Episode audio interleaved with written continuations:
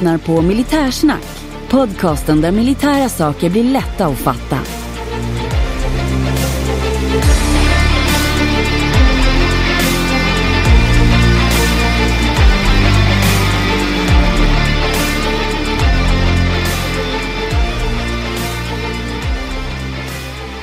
Då är det dags för ännu ett extra avsnitt, ett Bertil-avsnitt i podcasten Militärsnack. Idag ska vi prata om termobariska vapen och jag som pratar heter Henning Svedberg och bredvid mig sitter Löjtnant Andersson. Du är så välkommen löjtnant. Tackar så mycket. Vi har fått in en lyssnarfråga ifrån Joel Olsson som eh, säger att på nyheterna så säger de att termobariska vapen får allt syre i luften att brinna upp. Och det menar han inte stämmer, utan han vill veta vad är termobariska vapen, vad gör de och vad är de tänkta till? Jajamän, det ska vi nog kunna försöka reda ut. Ja. Ja, och eh, termobariska vapen, det kommer bli ett eh, just nu bedömer jag som ett något kortare avsnitt och eh, vi kommer inte gå in så mycket på, på nörderier, eh, tekniska. Det finns nämligen hur mycket som helst att läsa om, om det här. Då. Mm. Utan vi ska försöka hålla oss lite generellt. Och eh, termovariska vapen kommer ju från ordet termo, alltså värme, och eh, bar, bar som betyder tryck helt enkelt. Så värme, tryck. Okay. Och eh, på engelska kallas de för FAE eller FAE, Fuel Air Explosive, alltså bränsle-luft-explosion. Och eh, det är egentligen en konstruerad, alltså militär tillämpning av en gas och dammexplosion. Eh, det här är man ju jätterädd för, det har man ju vetat om redan i, i sen urminnes tider då i, i mjö, hos mjölnaren i kvarnen till exempel, att, eh, att mjölet är väldigt farligt om det börjar brinna och även i gruvor då med kolexplosioner och sådana saker. Och eh, industriellt så är man ju väldigt rädd för det här och man har hög renlighet och sånt i modern tid just för att det kan ske en explosion, till exempel en kolexplosion. Om eh, kolet som är lättantändligt eh, och virvlar upp som damm så blir det en explosionsartad brand, det vill säga att det, då det utlöser ofta mer explosioner för att det virvlar upp mer och mer damm. Och när det här brinner då, eh, som all brand så krävs det ju tre delar. Det krävs ju ett brännbart material, det krävs eh, syre och det krävs värme. Mm. Eh, så, kan, så kan du ju få en explosionsartad brand. Och det är väl egentligen det i en militär tillämpning som är ett termobariskt vapen. Okej. Okay. Och sättet man gör det på, det är att man kan ha en, en, en bomb, kan vi kalla det då, eller en granat eh, som du kan skjuta med artilleri eller släppa från flyg eller annat. Med till exempel fallskärm så att den dalar ner. Och sen har du då en, eh, en liten laddning som sprider ut en aerosol, alltså en gas eller ett flyktigt brännbart ämne, någon form av brännbar vätska. Och sen har du en laddning nummer två som antänder det här brännbara när det är spritt. I modernare vapen så är det en, kraft, eh, en laddning och då är det baserat på att behållaren är eh, så pass kraftig så att du sprider ut ämnet och sen så tänds det eh, an. Då, då det betyder att du har, har med den här spridningen så får sprängämnet, alltså den verksamma substansen, får mycket, mycket högre tryckverkan än vad den hade haft eh, som eh, komprimerad. Ja, precis. Ungefär så. Det, det det handlar om är ju att den innehåller egentligen inget sprängämne i den bemärkelsen. Och den innehåller ju inget splitter, som, utan den innehåller ju en brännbar en aerosol. Och den sprids ju ut och när du tänder den så brinner allt upp på en gång.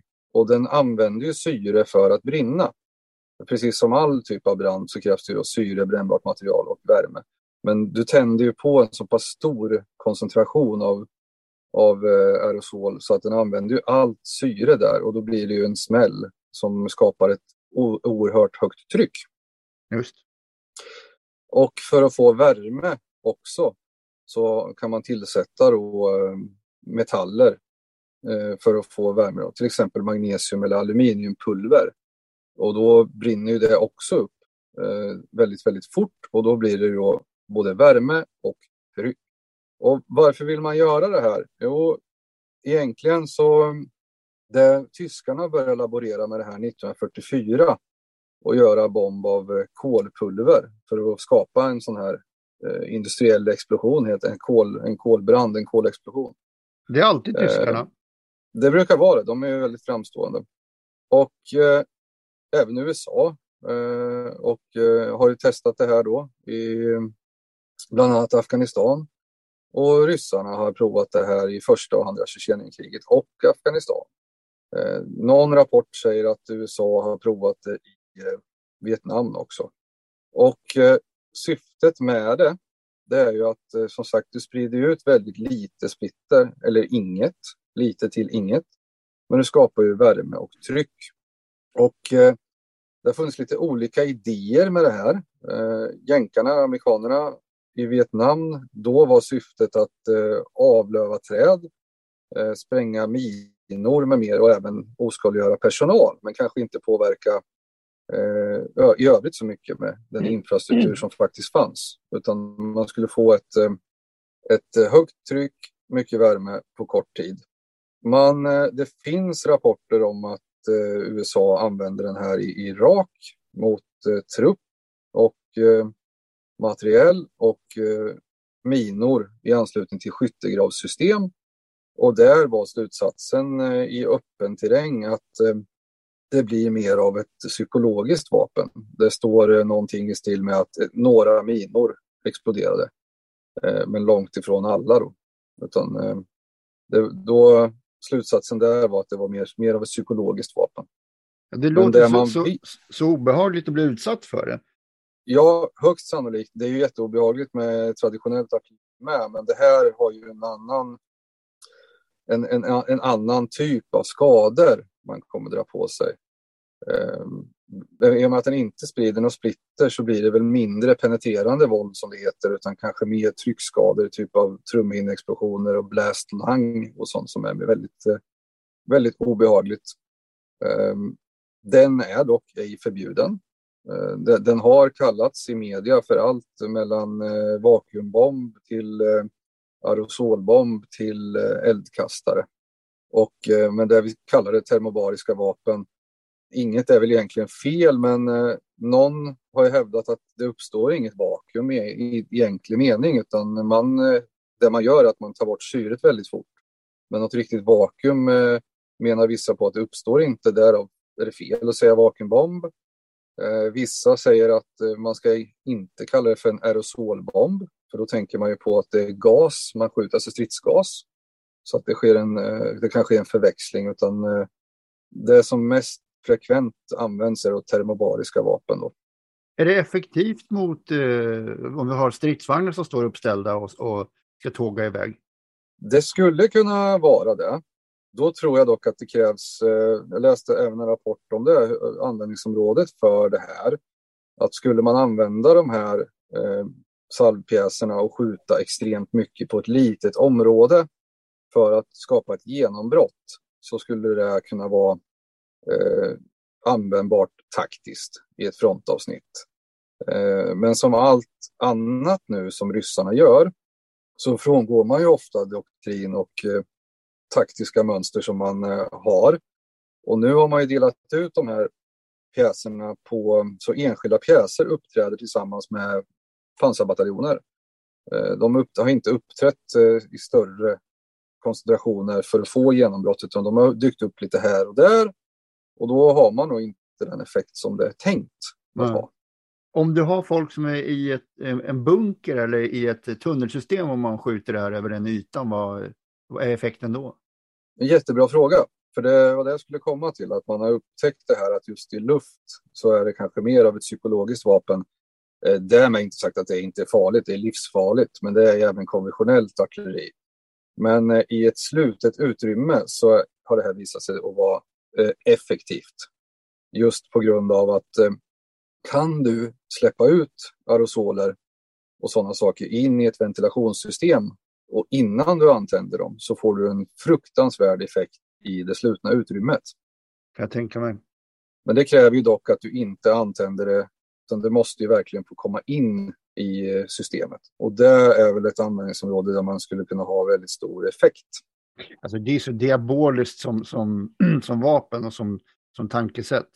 Ja, och det finns ju röster då givetvis som vill eh, förbjuda det här som ett, ja, inte massförstörelsevapen, men att det ska ingå i, i icke tillåtna vapen. Och det kan väl, jag skulle väl kunna skriva under på det. Mm. Det med slutna utrymmen, det går dock att skydda sig emot. Och det är egentligen inte jättesvårt. Men eh, det kräver ju att det inte är ett värn grävt i skogen utan att det är en fast försvarsanläggning. Men det går ju att skydda sig mot och det man får jobba med då det är ju dels detektion, alltså nu finns det aerosoler i luften. Och sen är det ju att stänga av ventilation så att du inte får in ämnena. Och man skulle även kunna alltså förantända det. Om du hade en liten gnistbildare längst ut i dina ventilationssystem så kommer ja. gasen att tändas innan den passerar in. Just. Listigt. Det är listigt. Du vet väl att du kan höra av dig till podden och ställa frågor, säga vad du tycker och tänker eller vad det än gäller. På militörsnack.se finns både mejladressen och länkar till samtliga sociala medier där du kan hitta podden. Men det är också så att de här bomberna som de släpper, de släpper ut sin aerosol och sen smäller de den. Då pratar vi sekund, sekunder. Ja. Uh, för att få in det i ett helt bergrumskomplex så behöver du ju en längre tid för att ventilera in aerosolen för att sen kunna spränga den. Så då, då pratar vi nog inte fallskärmsfällda bomber utan då pratar vi om att du måste vara på plats eller sprida ut extremt mycket aerosol under lång tid eller längre tid. Vad är det vi ser eh, ryssarna använda nu då? Det de använder det är ju sina TOS 1 och TOS 1A i första hand. Och eh, det kan man se, det är en T72, alltså en stridsvagn chassit ifrån den och sen sitter en stor låda uppe på taket. Och i den här lådan då så finns det antingen 30 eller 24 stycken eh, 22 cm raketer beroende om det, på, om det är en TOS-1 eller TOS-1A. Och eh, de här 30 raketerna, om det nu är en Tosetta, den kan de dra iväg på, ja vi snackar 15 sekunder. Och det är då 22 cm raketer. Och eh, räckvidden på Tosettan är 3 till 5 kilometer. Och eh, på TOS 1A är det ungefär 10 kilometer. Så det är ganska kort räckviddiga saker det här. Utan det, man behöver komma ganska nära där du ska bekämpa. Och den filmsnutt jag såg, där användes de mot, det var några hus eh, och på en åker såg det ut som att, eh, jag ska försöka ja. bifoga filmen i avsnittets info. Jajamän. Och det är ju typiskt så som man ser ryssarna göra nu. De, eh, som jag sa så har man ju delat ut de här enstaka fordon. Varför vet jag inte. Men det har ju en psykologisk effekt. Joel här till exempel, han har ju hört talas om det. Ja. Eh, det har inte varit krigsavgörande på något sätt, eh, men det är heller inte ofarligt. Men det är något man pratar om som att domedagsmaskinen. Det är samma som de här Terminator-stridsvagnarna nu, som har, stridsfordonen som har dykt upp. Som vi kanske gör ett avsnitt om också. Ja. Som man också är, oj oj oj, nu kommer de här grejerna. Va? Och det är samma med det här har varit. Man har inte använt det på det, på det här sättet ännu så att eh, mig vetligen finns det inga rapporter om att det har avgjort något slag eller någonting med just termobariska vapen. Utan det anses vara farligt, vilket det är. Men det är ingenting som kommer vinna kriget. Nej. Och vi ska nämna också att det finns en TOS 2. Och det är egentligen en, en, en billigare version där man har tagit en TOS 1 och satt upp på en lastbil. Eh, för att få ökad rörlighet och, och billigare version. Då. Ja, och det vi kan passa på att säga också att till de här TOS-systemen så finns det en, eh, ett speciellt omladdningsfordon som är ganska likt själva TOS-pjäsen.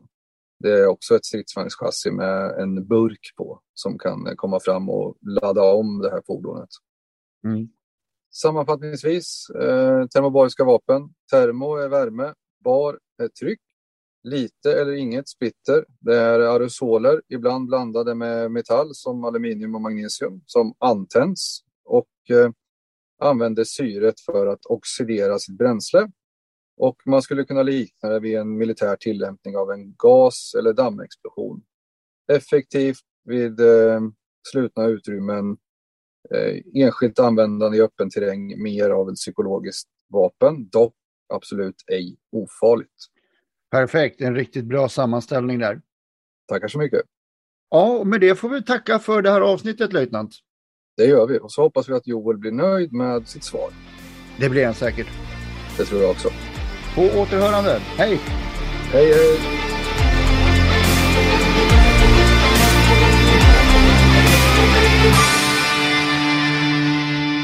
Glöm inte att gilla, dela och gärna prata om vår podd med de vänner du tror skulle gilla den. Tack!